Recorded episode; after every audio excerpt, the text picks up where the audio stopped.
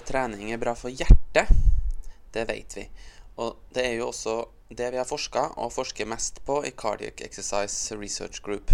Men så er det også ganske mye som tyder på at trening er bra for hjernen, og det er det vi skal snakke om i dag. Doktorgradsstipendiat Ekaterina Sotsjeva forsker på sammenhengen mellom fysisk aktivitet og demens, og har nettopp fått publisert en studie i tidsskriftet Frontiers in Aging Neuroscience. Og Katja, hva viser studien? Studien vår viser at fysisk aktivitet, og da særlig med høy intensitet, beskytter mot demensrelatert død. Og da både blant dem som har litt høye eh, symptomer av angst og depresjon, det som vi kaller for psykisk stress, men også blant dem som ikke har psykisk stress. Og Hva mener du med demensrelatert død? Ja, Da er det det at demens står på død, eh, dødsmeldinga. Så da kan det enten være at eh, personen har hatt demens når de har dødd, men ikke dødd av demens. Eller at de faktisk har dødd som følge av demenssykdommen. Hvem var det som deltok i studien? Ja, Vi hadde med nesten 37 000 deltakere, både kvinner og menn, som var i alderen 50 til 74 år. Og det er fra en sånn stor eh, samling av populasjonsstudier i Norge som heter for Cohort of Norway. Så det er faktisk ti populasjonsstudier som er med i den kohorten. Og av dem så har vi brukt sju, da, fordi at eh, tre studier målte ikke psykisk stress. Hvor mye lavere risiko eh, hadde de som trente, sammenligna med dem som var inaktive? Så de som oppga at de trente ved høy intensitet, og dvs. Si at de ble svett i andpusten, de hadde en 39% lavere risiko for demensrelatert død sammenligna med dem som var inaktive. Mens de som oppga at de trente med lav intensitet, dvs. Si at de var fysisk aktive, men de ble ikke svette i andpusten, de hadde en 27 lavere risiko for eh, demensrelatert død sammenligna med dem som var inaktive. Og så fant vi også det at de som scora høyt på psykisk stress, de hadde jo 45 høyere risiko for eh, demensrelatert død. Og det vi gjorde da, er at vi delte jo opp eh, grupper avhengig av dem som eh, hadde psykisk stress, og dem som ikke hadde det. Og så så vi på sammenhengen mellom fysisk aktivitet og demensrelatert død innad i de gruppene.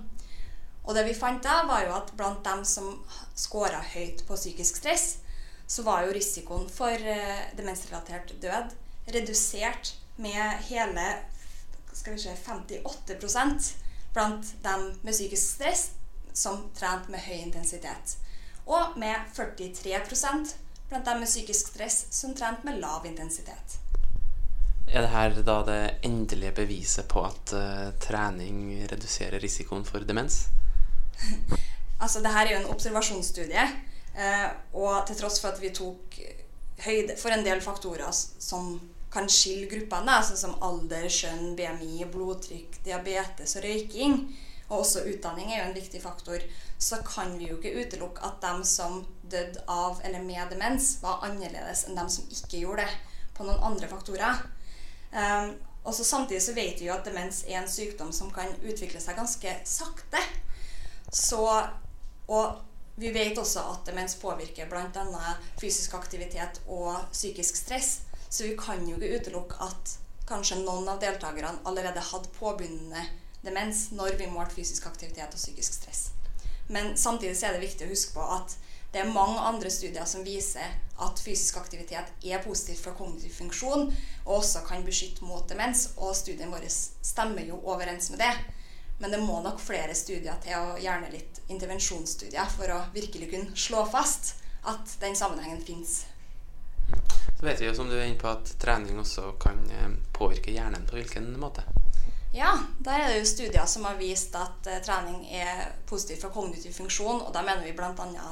hukommelse, oppmerksomhet og konsentrasjon. Og så er det også studier som viser at fysisk aktivitet kan faktisk påvirke områder i hjernen som er viktige for bl.a. hukommelse. Og vi vet jo at med alderen så reduseres jo størrelsen på hjernen. Og mye tyder på at fysisk aktivitet kan motvirke den der eh, reduksjonen i hjernevolum som ofte kommer med alderen. Hvorfor er dette eh, funnene i studien din viktig, syns du? Nå vet vi jo at antallet som levde med demens i hele verden, var ca. 47 millioner i 2015. Men eh, i 2030 så antar vi at tallet vil ligge på rundt 132 millioner. Og det her betyr jo ikke at, at det er høyere forekomst av demens, men heller at fordi at vi får en eldrebølge, så vil det være flere eldre som lever med demens over lengre tid, så vi vil ha flere som har demens samtidig. Og da er det jo veldig viktig å finne eh, strategier for å enten redusere forekomsten av demens, eller for å utsette, så at man kan leve flere år frisk før man eventuelt får demens. Eh, og nå er det mye som tyder på at fysisk aktivitet er en sånn type, en sånn type tiltak, og det er jo et ganske billig tiltak òg. Eh, så vi tenker at sånn sett er det veldig viktig at hvis det er nok at folk blir mer fysisk aktive, og det klarer å redusere antallet som lever med demens, så vil jo det ha en stor innvirkning både på helsesektoren, men også på individene og familiene deres. Mm. Jeg leste til at uh, sånn ca. fire av ti nordmenn over 50 år ser på Alzheimer som den sykdommen de uh, frykter mest. Uh, hvis du skal gi ett um, konkret treningsråd da, til middelaldrende og eldre som ønsker å starte å trene for å redusere faren for demens, hva vil du si da? Oi, ett? Jeg har flere, men altså, jeg tenker det viktigste er å finne noe man liker. Hvis man har vært inaktiv over lengre tid, så kan jo dørstokkmila virke ganske uoverkommelig. Og da er det viktig å starte smått. Finne ut om man liker å trene innendørs, utendørs. Liker man å trene alene, sammen med andre? Når på døgnet liker man å trene? Og så start rolig. Ja, det er forskning som viser at, at intensiteten på aktiviteten spiller en rolle. Men samtidig så viser jo både studien vår og andre at også lavere intensitet er fordelaktig. Så start heller rolig. Finn det du liker, og så kan du gradvis øke intensiteten. Det her er jo en studie som, som, kanskje i hvert fall blir en del av eh, doktorgraden din. Kan du fortelle meg litt om det andre du jobber med i den doktorgraden nå? Ja, så i doktorgraden min eh, har jeg jo som mål å finne ut hvordan fysisk aktivitet, kondisjon og mental helse påvirker det som vi kaller hjernehelse. Både kognitiv funksjon og risiko for demens. Da. Så i tillegg til studien her så har vi brukt HUNT-data til å se på sammenhengen mellom endring i estimert kondisjon og mental helse opp mot hjernevolum.